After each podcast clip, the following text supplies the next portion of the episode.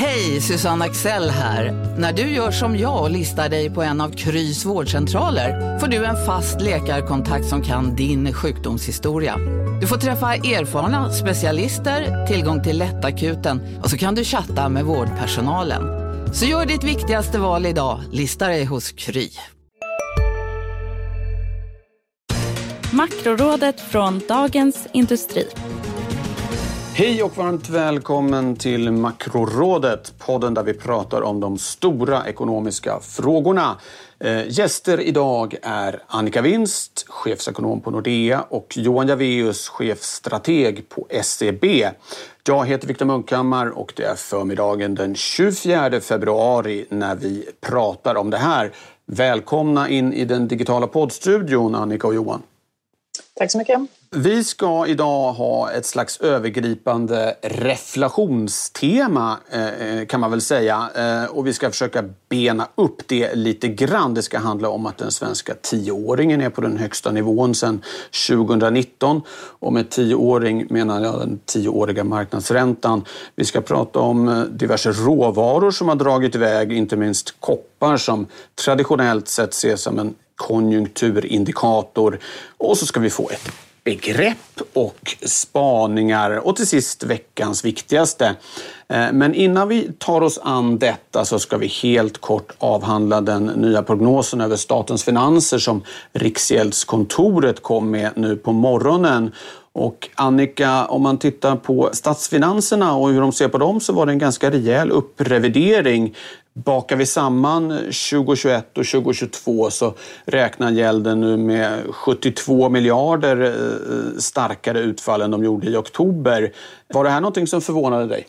Nej, men man ska ju utgå ifrån att eh, flera myndigheter har blivit överraskade över att det har blivit mindre djup nedgång än eh, vad de hade tänkt sig. Eh, och det gäller både tillväxten och arbetsmarknaden och det får ju påverkan på de offentliga finanserna. Så jag tror att det är där det ligger.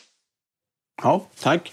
Eh, Johan, du sitter nära marknaden och kanske tittar mer på den delen av prognosen som handlar om lånebehovet. Eh, där har det ju skett lite vad vi skulle kunna kalla tekniska förändringar i och med att Riksbanken nu tänker, att, eh, tänker sig att finansiera valutareserven på egen hand. Eh, eh, ser du någonting i den här eh, prognosen som du tror att marknaden kommer hicka till inför? Nej, det tror jag inte. Och, eh, det här var ju kända nyheter och eh, jag tror att för marknaden framöver så kommer det vara det här hur stark den underliggande ekonomin är och hur det påverkar lånebehovet som blir, som blir den viktiga parametern så att säga. Då tar vi oss an den huvudsakliga agendan och Annika som jag var inne på så har ju tioårsräntan här dragit iväg till den högsta nivån sedan 2019. Kanske lite påverkad av den amerikanska ränteuppgången som jag har varit i full sving sedan ett par månader i alla fall. Och eh, man ska väl säga då att ja visst, det är den högsta nivån sedan 2019 men i absoluta termer så är det inga chockräntor vi talar om direkt. 0,21 var den eh, precis innan vi eh, började, började prata här. Eh, så att det är ju lågt i absoluta tal men det är ändå en markant uppgång vi har sett. Eh, och jag tänkte höra, hur ser du på orsakerna bakom den här eh, ränteuppgången? Jo, men det är ju absolut en snabb uppgång och den blir ju kännbar eftersom vi kommer från så låga nivåer. Men jag tror att man ska tänka att finansmarknaden faktiskt mer eller mindre har lagt pandemin bakom sig och nu har man fokus på att vi har vaccin så även om det blir viss fördröjning och inte allt går alldeles perfekt så ligger de liksom ändå där. Och vi har dessutom massiva stimulanser både i ryggen men också framför oss till exempel med USA och Biden som vill få igenom sitt paket. Så att man utgår ifrån att det här med låga räntor för evigt, som jag har tagit upp i den här podden tidigare, det är liksom passerat och så börjar man titta på inflationsfokus istället. Och eh, här har vi ju då också råvarupriser som går upp som vi ska komma in på eh, senare i USA, dessutom en dollareffekt. Så att det gör ju att vi har nu ett, ett fokus som är annorlunda och det smittar också andra delar än bara USA. Sen tror jag man ska utgå ifrån att länderna kommer ha väldigt stor eh, stora skillnader på hur man ser på det här. Eh, är det, är det uppgång i räntorna som beror på att man har en, en starkare återhämtning och så vidare, ja, då är det inte lika problematiskt, åtminstone inte i USA där Powell har sagt det, eh, chefen för amerikanska centralbanken.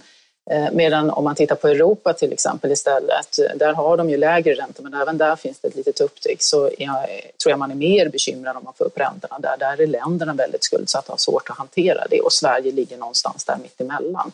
Återhämtningsmässigt är vi väl mer lika USA. Eh, men Europa är vår granne eh, och det gör att eh, vi är mer lika dem i det avseendet. Så att, Räntebotten är passerad. Frågan är hur mycket centralbankerna tillåter att, att räntorna går upp och där tror jag vi kommer att se skillnader länder emellan. Ja, Johan, där eh, Annika var inne på eh, orsaker här och det, det var ju faktiskt ett uttalande från ECB här för, för några dagar sedan att de eh, tittar på den här nominella ränteuppgången, bevakar den och det fick räntorna faktiskt att sjunka undan lite i, i Europa. Vad tänker du om den här eh, ränteuppgången och orsakerna till den? Ja, jag skulle ju hävda att eh, orsakerna är egentligen de samma över hela världen och det är precis som Annika var inne på. Vi har liksom nu en kombination av massiva stimulanser som om något ser ut att bli ännu kraftigare under det här året och dessutom i kombination med ekonomiska indikatorer som pekar på en stark återhämtning. Vi har ju nästan rekordnivåer nu till exempel i industriförtroende som enligt mig i alla fall är den absolut bästa mätaren på var tillväxten är på väg på några kvartals sikt. Så det är en, en viktig del i det här. Och spillover från USA, ja jag tror att det ska man, eh, kan man inte bortse ifrån. Jag tror att det är kanske den, den viktigaste förklaringen. Det är så att alla investerare tittar någonstans på USA som någon sorts karta över vart det ska ta vägen i resten av världen och börser och är ju integrerade. Det är den amerikanska börsen på något, som på något sätt sätter tonen för vad börser i resten av världen ska handla och det är lite på samma sätt skulle jag säga med, med långa räntor. Korta räntor bestäms ju mer lokalt då, men, men långa räntor är också på något sätt eh, koordinerade lite på det sättet. Då. Så att eh, det finns en oro idag för att den här ränteuppgången kommer att få fortsatt eh, bränsle i takt med att eh, stimulanserna och penningtryckandet ångar på och samtidigt så har vi bra ekonomisk statistik.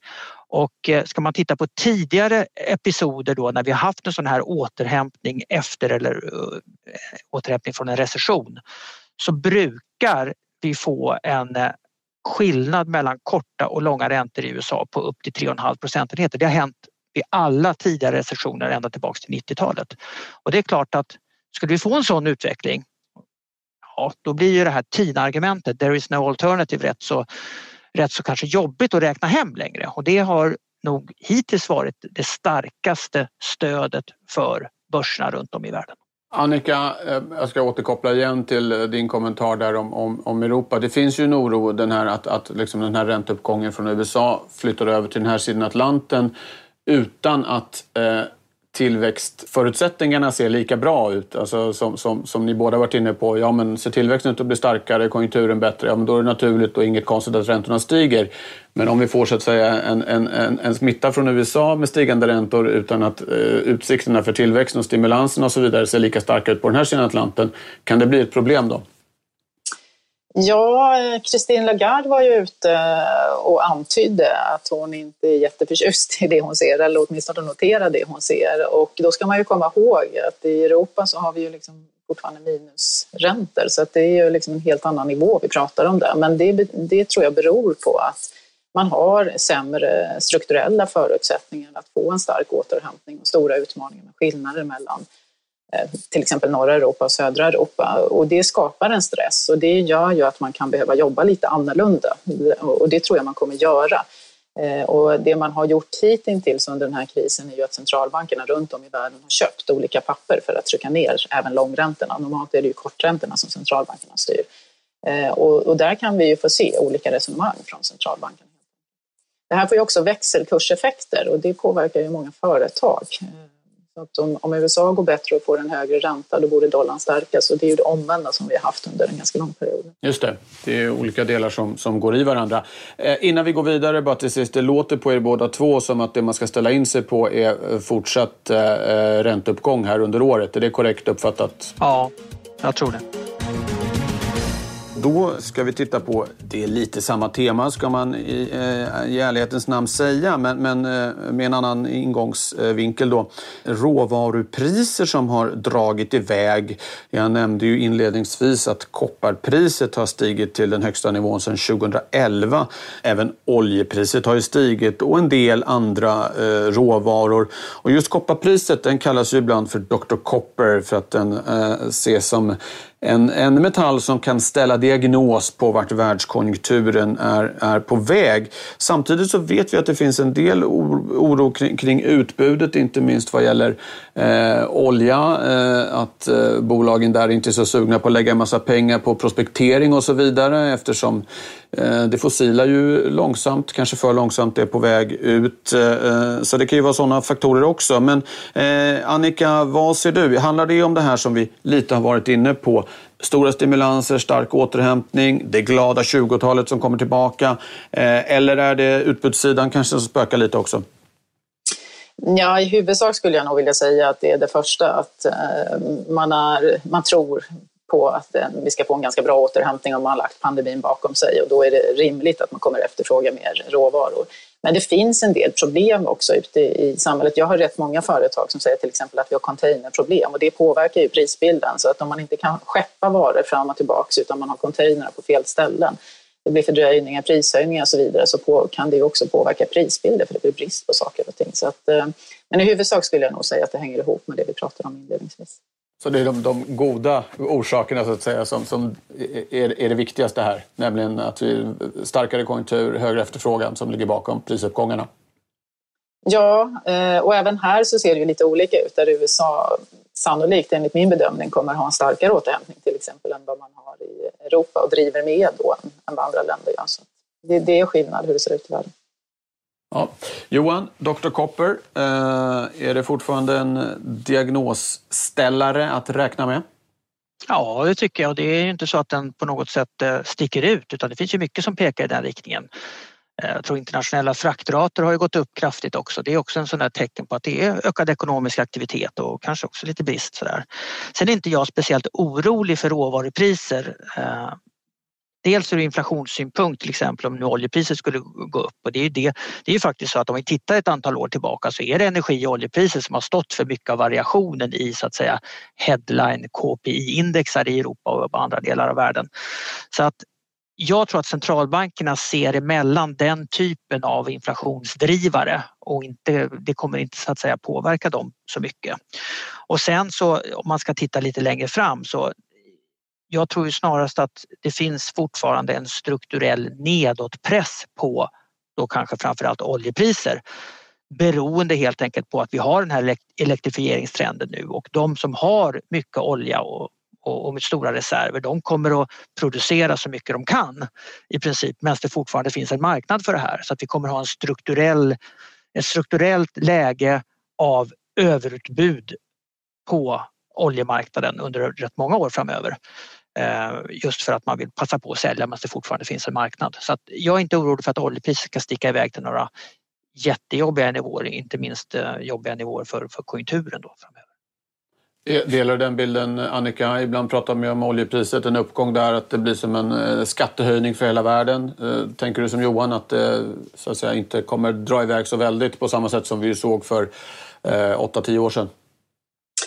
Eh, nej, eh, jag är inte heller jättebekymrad över det här. Och om man tänker inflationsperspektivet så är det ju många gånger som man rensar bort eh, till exempel energipriser och så vidare, om ni pratar om olja, från, från inflationen. Så att centralbankerna tittar ju på flera olika mått här så de behöver heller inte plocka in eh, det här fullt ut. Men det beror ju på vad orsaken är till att priserna går upp. Är det för att man har en bättre konjunktur, ja då är det ju inflationsdrivande. Så den diskussionen blir också viktig. Ja, det är alltid orsak när det handlar om. Eh, bra, eh, eh, tack ska ni ha. Eh, jag tar ändå med mig då om att ni eh, till största delen ser det här som positiva signaler om ännu ett glatt 20-tal.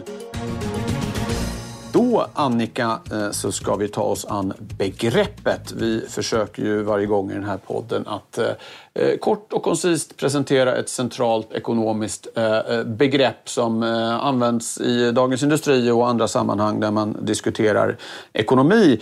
Och begreppet den här gången är realränta. Och det har ju en liten koppling till den här diskussionen vi har haft här om ränteuppgång och hur centralbankerna ser på det och så vidare. Men, men Annika, det är du som ska få reda ut det här så att jag lämnar ordet till dig. Vi är specialister på det vi gör, precis som du. Därför försäkrar vi på Swedea bara småföretag, som ditt. För oss är små företag alltid större än stora och vår företagsförsäkring anpassar sig helt efter firmans förutsättningar. Gå in på swedea.se företag och jämför själv. Hej, Synoptik här. Hos oss får du hjälp med att ta hand om din ögonhälsa. Med vår synundersökning kan vi upptäcka både synförändringar och tecken på vanliga ögonsjukdomar. Boka tid på synoptik.se. Mm, tack så mycket. Ja, eh, man skiljer ju på nominell ränta och real ränta och man måste nästan börja prata om nominell ränta.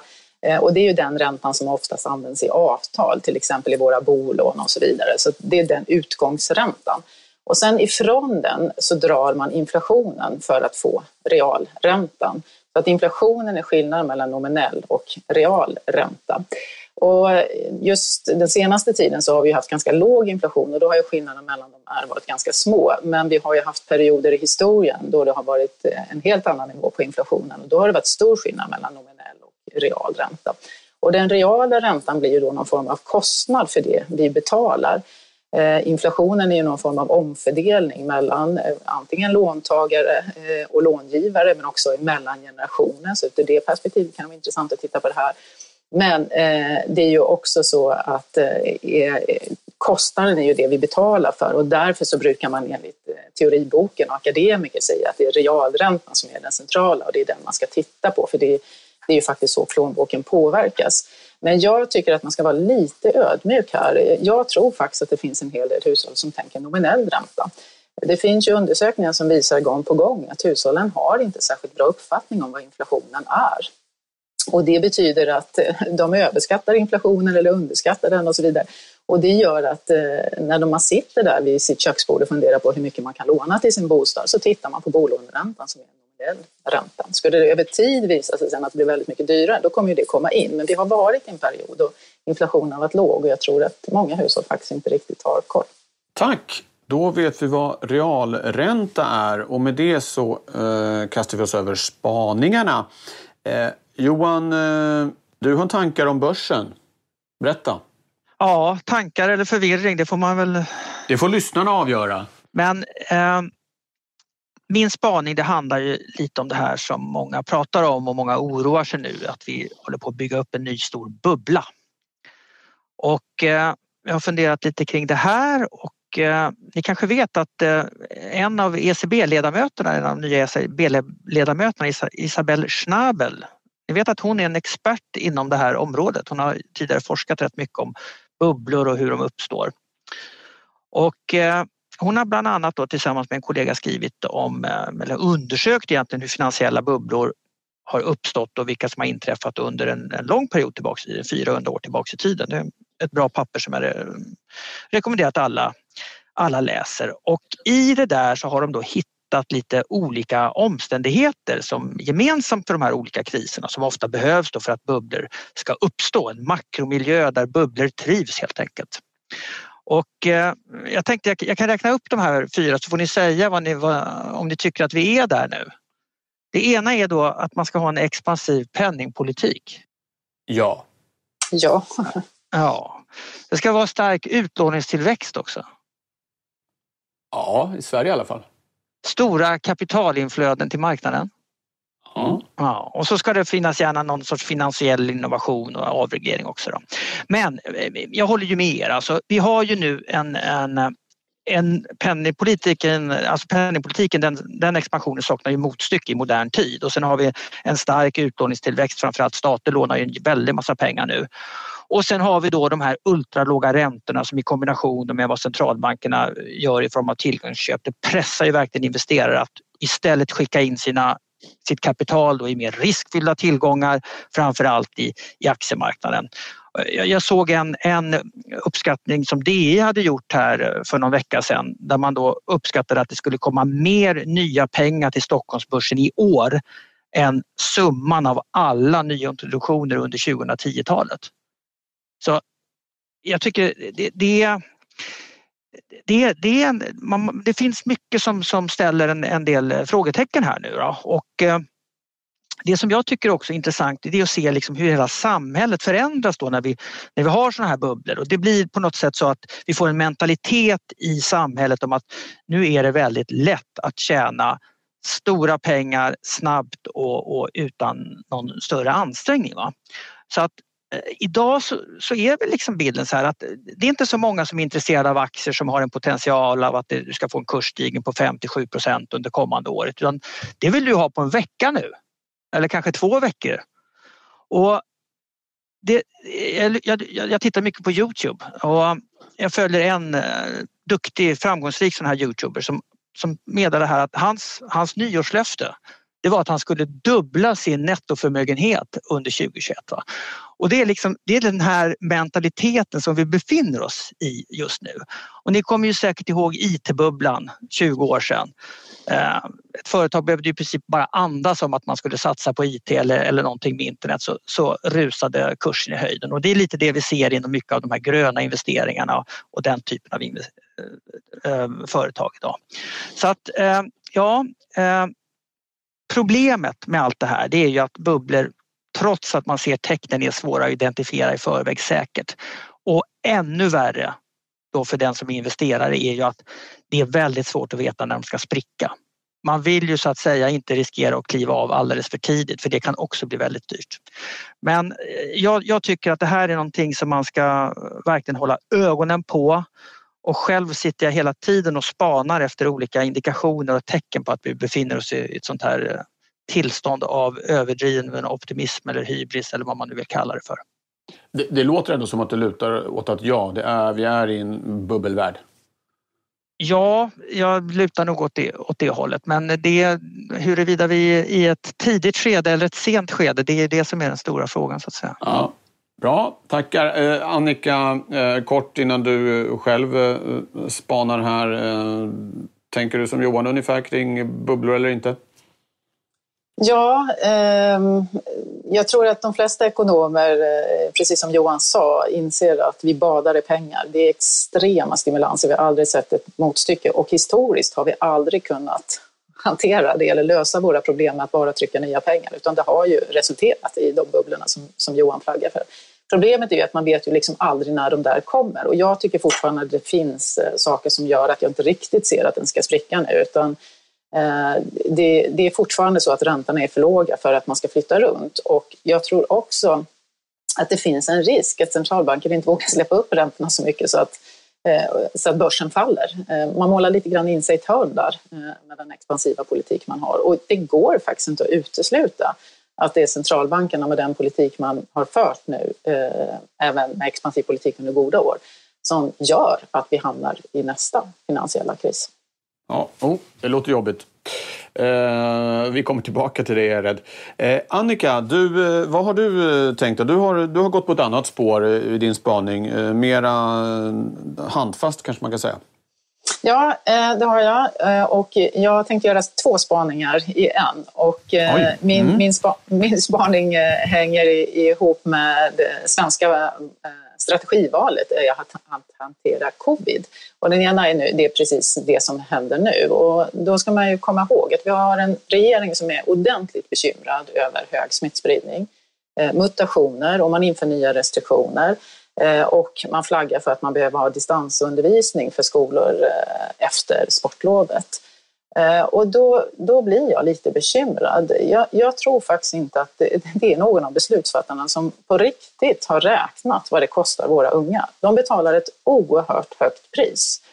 Och jag måste säga att jag tycker det är märkligt att man väljer att ha öppet i fjällen när man skulle kunna samhällsekonomiskt betala dem för att ha stängt. Alltså det, de regler som regeringen nu inför, eh, planerar att kunna införa om vi skulle få en större smittspridning. Eh, och då ger de ersättning förstås för att de har stängt, men för att minska den här risken och framför allt för att våra unga ska slippa att betala ett pris som de redan har gjort under mycket lång tid vad gäller både psykisk hälsa men också att man får en sämre utbildning. Eh, och, och, det är en märklig märkligt fokus vi har eh, här. Att, att det är liksom hälsosamt att åka till fjällen. Ja, det är det, men det är ju faktiskt en väldigt liten del av svenska folket som är privilegierade att få vara där.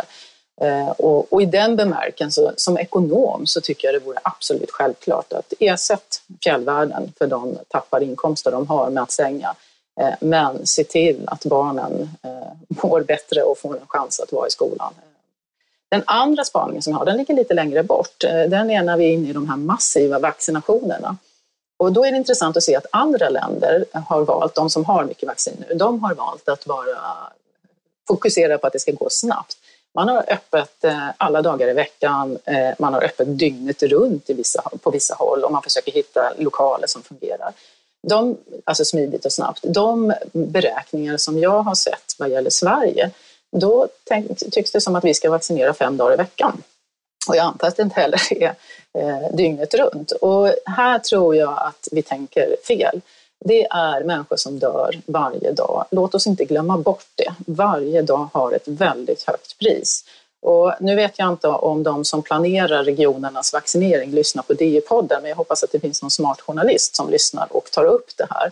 För självklart så måste vi också kunna vaccinera eh, varje dag eh, i veckan och eh, också mycket mer än 8-10 timmar om dygnet för att få det här så snabbt och smidigt som möjligt.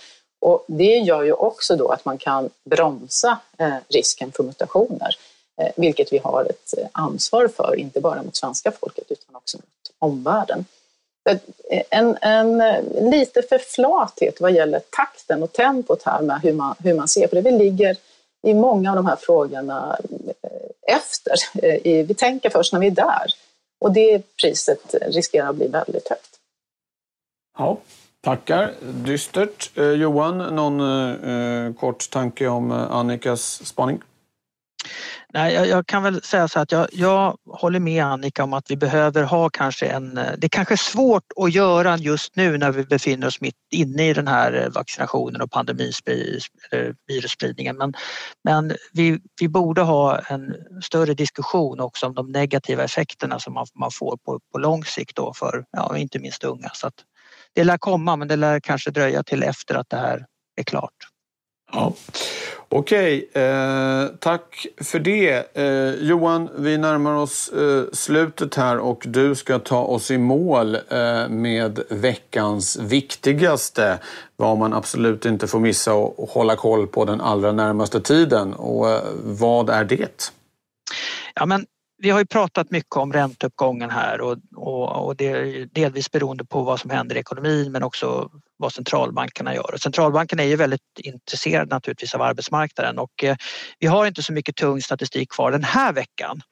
Men givet att vi har ett fokus på arbetsmarknadsdata och inte minst arbetsmarknadsdata i USA och hur snabb den förbättringen blir Eh, så tycker jag att det är, det är en viktig statistik och vi har ju lite sån här claimsdata i vanlig ordning imorgon men sen nästa vecka då får vi ju payroll-siffran och den tror jag blir viktig för marknaden, inte minst då som en, en signal om vad Fed kan komma att göra och när de kan komma att göra någonting.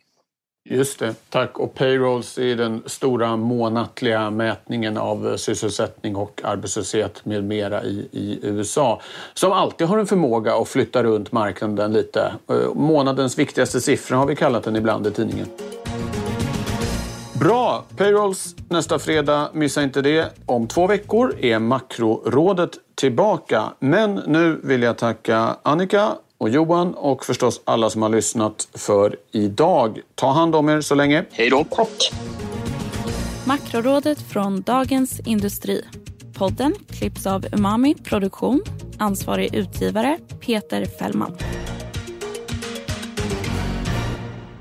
I DTVs program Hållbart näringsliv fokuserar vi på företagens E, S och G. Vilka är utmaningarna och vilka är lösningarna?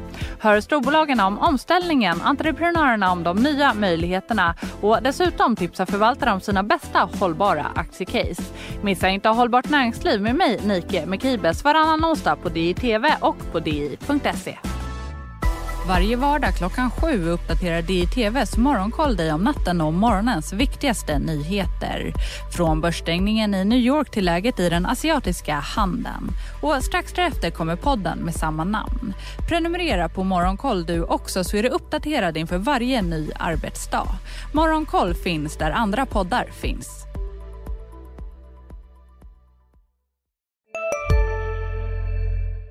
Redo för sportlovets bästa deal? Ta med familjen och njut av en Big Mac, McFeast eller Cooper Cheese och Company plus en valfri Happy Meal för bara 100 kronor. Happy Sportlovs deal, bara på McDonalds. Ska några små tassar flytta in hos dig? Hos Trygg Hansa får din valp eller kattunge 25% rabatt på försäkringen första året. Läs mer och teckna djurförsäkringen på trygghansa.se. Trygg Hansa, trygghet för livet.